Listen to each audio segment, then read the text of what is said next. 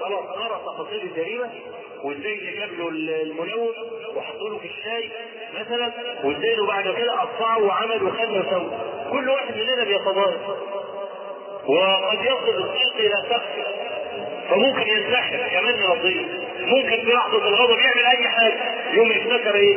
تفاصيل الجريمة اللي هو لسه قريب فإذا كان اللي يقرأ مجلة الحوادث دي يتصور أننا مجتمع مجرم.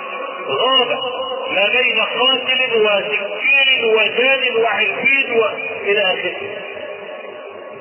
اثنين متجوزين بعض في الدنمارك. رجلين. متجوزين بعض في الدنمارك. سنهم 70 سنة. خلاص؟ جايزين في خبرهم اليوم تحت عنوان منتهى القرف طب أنا عايز أعرف منتهى القرف ليه هن ليه؟ ليه بتكتبوا؟ الاثنين عايزين يتجوزوا بعض أنا أعرف ليه؟ هو الشرع لماذا الشرع لماذا ندب إلى السد؟ واحد عمل معصية قال استره طالما ما تتعلقش بحدود والكلام ده استره كل أمتي يدخل الجنة إلا المجاهرين قالوا من المجاهرون يا رسول الله؟ قال الذين هتكوا ذكر الله فباتوا يمسكون ذكره عصى ربنا بالليل ما فيش حد شاف يرفع يوم يا فلان أنا كنت امبارح أرموك. كنت بعمل كذا وكذا وكذا وكذا وكذا. طب أنت ما فيش حد شاف طب ليه كشفت نفسك؟ ففي نفي السد ليه يلبس إلى عشان الجريمة لا في المجتمع. ما يجيش كل واحد يجاهد في العصيان في الشارع يقوم يحصل نوع من العصيان العام. واتقوا فتنة لا تصيبن الذين ظلموا منكم خاصة. بل تصيب الذين سكتوا عشان نعطي المجتمع من هذا الشرار العام أي بني آدم يقوم يستتر ويستتر بقى العصيان بتاعه ما يكشفوش. لأن المستتر بالعصيان له حكم والجاهل بالعصيان له حكم تاني. ده مش معناه إن أنا بقول يا جماعة اللي عايز يتجاهل اللي عايز يعصي لا هذه ليست دعوة للعصيان يبقى النهارده أنا لما بعرض مثل هذه النماذج الفاسد اللي بيظن إن أعراض الناس كلها مسدوده كلها لما يقرأ مجلة الحج في الأخير من اولها لاخير يفكر المجتمع كله كده. فيوم نفسه تقوى على مرانة العصيان ولا يجد حرجا ان ينفذ العصيان لكن إذا كتبوا المسألة ولم ينشروا حادثة واحدة وقع في روع الناس إن ده مجتمع نظيف وده مجتمع محترم بدليل أنهم لا يعرفون حاجة واحدة ولا قتل ابوه أو قتل جار أو قتل أمه أو قتل جار. مفيش حد يعرف فكرة خالص عن المسألة دي. يوم يتهيأ. يتهيأ إما يتهيأ لأن العرف لم يدري بذلك. يقول لك يعني أنا اكون أنا الوحيد اللي عملتها. بالله يعني شوف عروه بن سعيد الثقفي لما لقي النبي صلى الله عليه وسلم في صلح الحديبيه قال يا يا محمد خلي ان في حرب بينك وبين قريش وإنك أنت هتغلبه أرأيت رجلا إجتاح قومه قبلك؟ شفت واحد مرغ أهله في التراب جاب مناخيرهم الأرض قبلك؟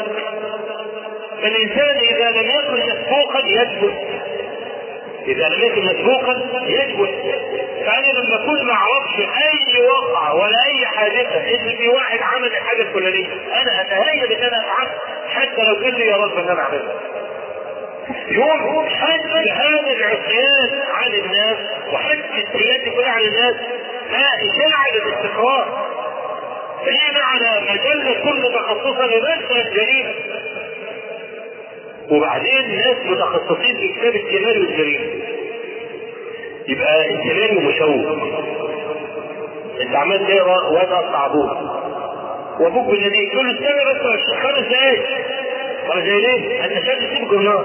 عايز تعرف إزاي الولد قطعه وازاي شغال. وازاي سلك وازاي عمل وازاي بتاع. في ناس متخصصين في عرض الجريمه مش مجرد جريمة ساذجة حصلت كده وخلاص خدوا وقطعوا. لا. لا المسألة مش كده. مش كلمة ونص ده في تفصيل. وفي بقى ناس دارسين بقى المقدمات إزاي يبتدي المقدمة والوسط وازاي ينهي المساله والكلام. فعندهم نوع من تفصيل الشر. وده هذا المعنى هو اللي قائم عليه الإعلام كله. يفصلون الشر ويجملون الخير. فيكون عند المشاهد نوع من استيعاب الشر. بسبب إنه مفصل خلاص؟ يعني جماعة حراميه يجيب لك إزاي بكشف الكتاب ويدخلك المعمل بتاعه. وإزاي يجي على أي يد يحط عليه مثلا مية نار أنا ما بعلمش دروس ولا حاجة. ها؟ علشان يفك من بعضه.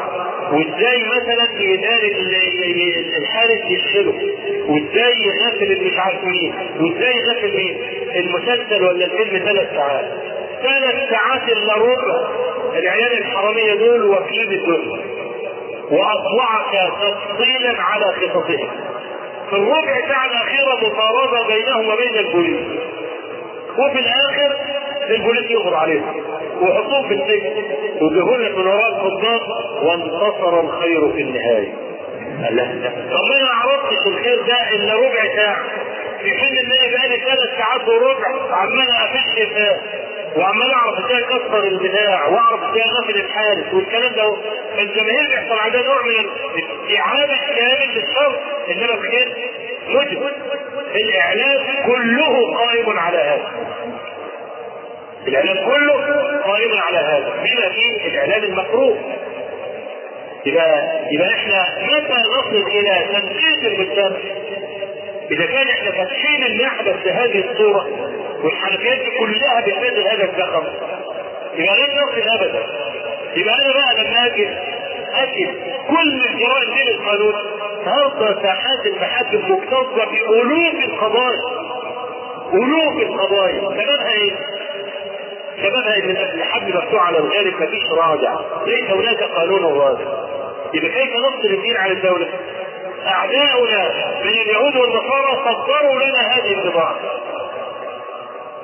ولما كمان اتاتورك قاتله الله أسأل الله أن يؤجج قبره عليه نارا بل هذا هو الذي ألغى الخلافه الإسلامية.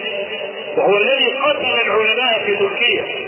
وهو الذي أغرى الكفار بالمسلمين وبدل الحرف العربي بالحرف اللاتيني واصبحت تركيا الان رسميا من أكثر البلاد التي تنتسب إلى المسلمين. علمانيه صرفا تخيل وهذا لم يحدث في أي مكان في العالم حتى في بلاد الكافره امراه في البرلمان لمجرد انها لبست بوليه بوليه فقط أو شرط على راسها سحبوا منها الجنسية.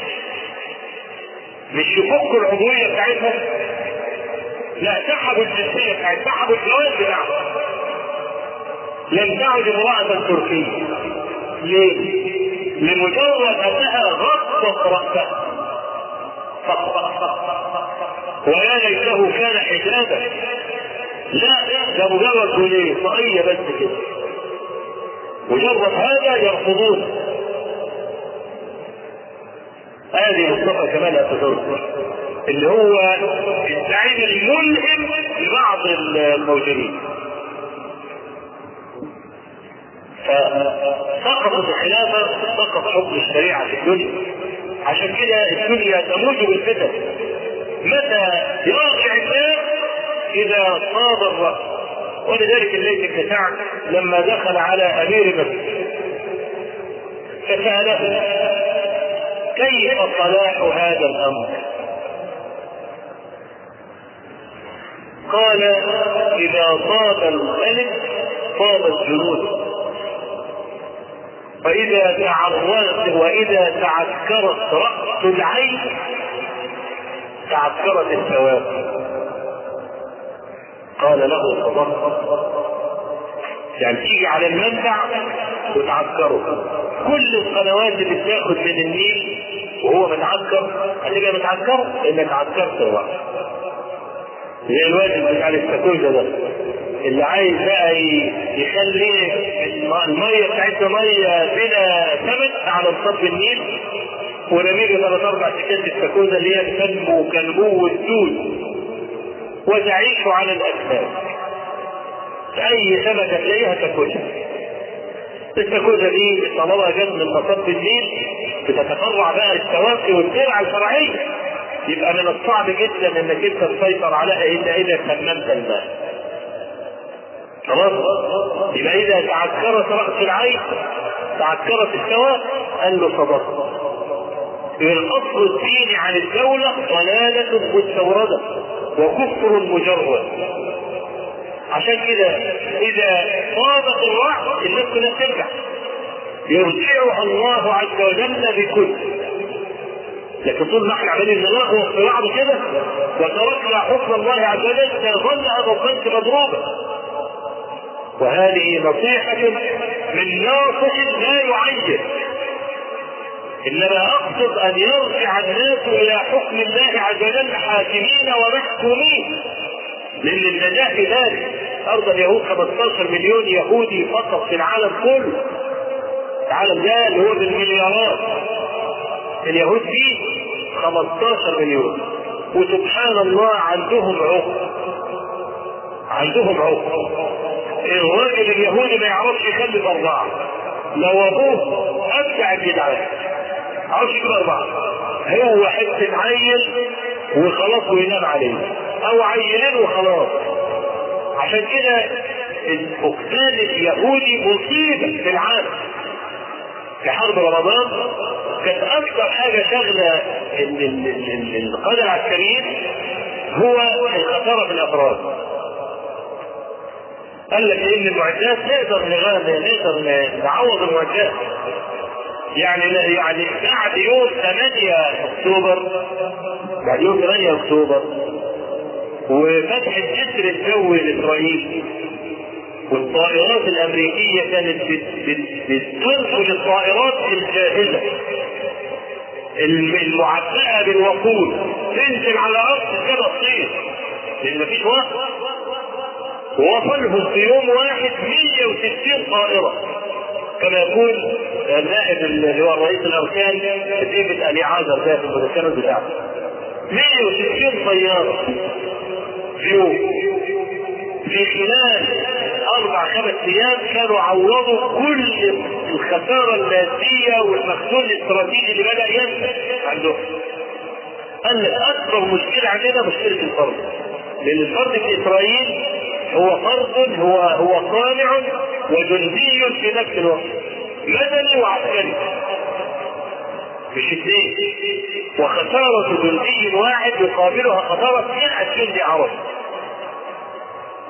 في الوقت الذي يقولون لنا فيه حددوا الناس. حددوا الناس. حدد الناس. يقول لك لأن هتيجي سنة كذا وكذا مش عارف اكل هذا الله عز وجل هو الذي يرزق وكل ولد بينزل رزقه معاه والكلام كلام العوام ده كلام صحيح. وما من دابة في الأرض إلا على الله رزقها. لا يخلق عبدا ويضيعه أبدا. يرزقه وحينه صلى حتى يأكل حشيش. حشيش من بتاع آه كان برضه يأولوا كلام الغلط جماعة التكييف دول. يعني الصحابة كانوا يأكلون ورق الشجر ماتوا. عضلاتهم ضمرت الجماعة اللي يقول لك أصل أنا متعود آكل لحمة ومتعود آكل يوم سمك ويوم لحمة وبتاع ولابد يكون في الأسبوع 300 جرام بروتين ومش عارف إيه الكلام ده. وإلا هيخس ويضمر والكلام لا تاكل الجبنة المش اللي الدود بيلعب فيها شطرنج على وش الجسم الله يرحمه. وتتكرع وتبقى تمام الثاني ياكل لحمة يعيا بيها ها؟ فأنت لا تدري انت لا تدري فعشان كده إحنا بنقول اهو ياكل ورق الشجر اهو ده مين اللي يخلي ورق الشجر نافع بقى للأعضاء والكلام ده؟ رب العالمين. تبارك وتعالى. اذا الناس لما بتقول الورق ينزل رزقه معاه ما جابوش الكلام ده من الهوا إنما هذا الكلام مستندوه القران وما من دابة في الأرض إلا على الله رزقها وقال تعالى وفي السماء رزقكم وما توعدون. خلاص. كلام محسوب. فاقوى شيء في تكوين الحضارة البني آدم. حضارة تتكون في الأرض والإنسان ورأس المال. دول أركان الحضارة الثلاثة. أي حضارة في الدنيا لا تقوم إلا على أركان ثلاثة دول. أهم ركن في الأركان دي كلها هو الإنسان.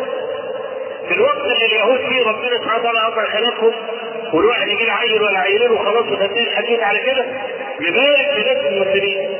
عشان كده اليهود عملوا إيه؟ قال لك يحطوا هرمونات في الأكل تصيبهم بالعقم الجنسي أو الضعف الجنسي اذهلني وقف شعري لما قرأت بحثا عن أعداد المرتادين للعيادات التناسلية الخاصة بضعف الجسم شباب 19 و20 و25 و30 سنة لا يستطيعون اتيان ازواجهم ما هو عايز يوقف. يوقفوا باي وسيلة. يبقى شاب 19 20 سنة ومصاب بالضعف الجنسي وارتخاء 19 سنة منين جاي الكلام ده؟ من الهرمونات والمية والكلام كل الكلام ده. يسمى في كل حاجة. وهو لو ما بيشتغلوا نفسه طويل جدا. ما بيشتغلش لنفسه بيشتغل للأجيال القادمه اللي يجي بعد 100 سنه يحصل بقى النهارده 3 4% من مجمل المصريين عندهم نوع من الضعف الجنسي ودي نسبة عالية جدا. وأغلبها في الشباب. يبقى عدونا يعمل بالاسم وأنا مش قادر عليه عنده أسلحة والكفر كله ممكن يتجمع في خندق واحد إذا كان الإسلام هو العدو. يأجلوا الحروب بينهم وبين بعضهم زي ما حصل أيام محمد الفاتح. جماعة الأرثوذكس مع الجماعة الكاثوليك اتحدوا علشان خاطر يحاربوا محمد الفاتح. ممكن نختلف بعد كده بس الإسلام كان هو العدو المتجمع فاذا كانت الدنيا كلها متجمعة ضد المسلمين وليس للمسلمين إلا النار تبارك وتعالى. يوم نتفلت من هذا الركن الرشيد يعني شوف لوط عليه السلام لما دخل الناس يريدون اضياء قال لو أن لي بكم قوة أو آوي إلى ركن شديد لو روح مغارة لو روح مكان كده ما تعرفوش توصلوا لي؟ قال النبي صلى الله عليه وسلم معلقا على قول لوط يرحم الله أخي لوطا قد كان يأوي إلى ركن شديد الا وهو الله تبارك وتعالى. الله عز وجل هذا الركن الشديد. كيف نتخلص من العبودية له؟ عز وجل عندنا كله أن نرجع مرة أخرى إلى حظيرة العبودية. وأن نعرف ما لله عز وجل من الجلال والقدر. أمرنا بالأمر نأتي على قدر ما في وسعنا في تنفيذ هذا الأمر. فإذا علم الله ذلك قبله بفضله ومنه وكرمه وليس لجودة عمله كما قال النبي صلى الله عليه وسلم لما سألوه لما قال لن يدخل أحد منكم الجنة بعمله قالوا ولا ادخل ولا أنا إلا أن يتغمدني الله برحمته. عارف إن أنا قلبي كله متجه إلى العباده إلى هذا العمل بس مش هذا العمل أكثر من كده. أتيت بأقصى ما عندي. والله عز وجل قال لا يكلف الله نفسا إلا وسعها. يوم يديك الدرجه النهائيه انك انت ما تستحقهاش على الحقيقة. وهذا نوع تفضل من رب العالمين. أقول قولي هذا واستغفر الله لي ولكم وصلى الله وسلم وبارك على نبينا محمد والحمد لله رب العالمين.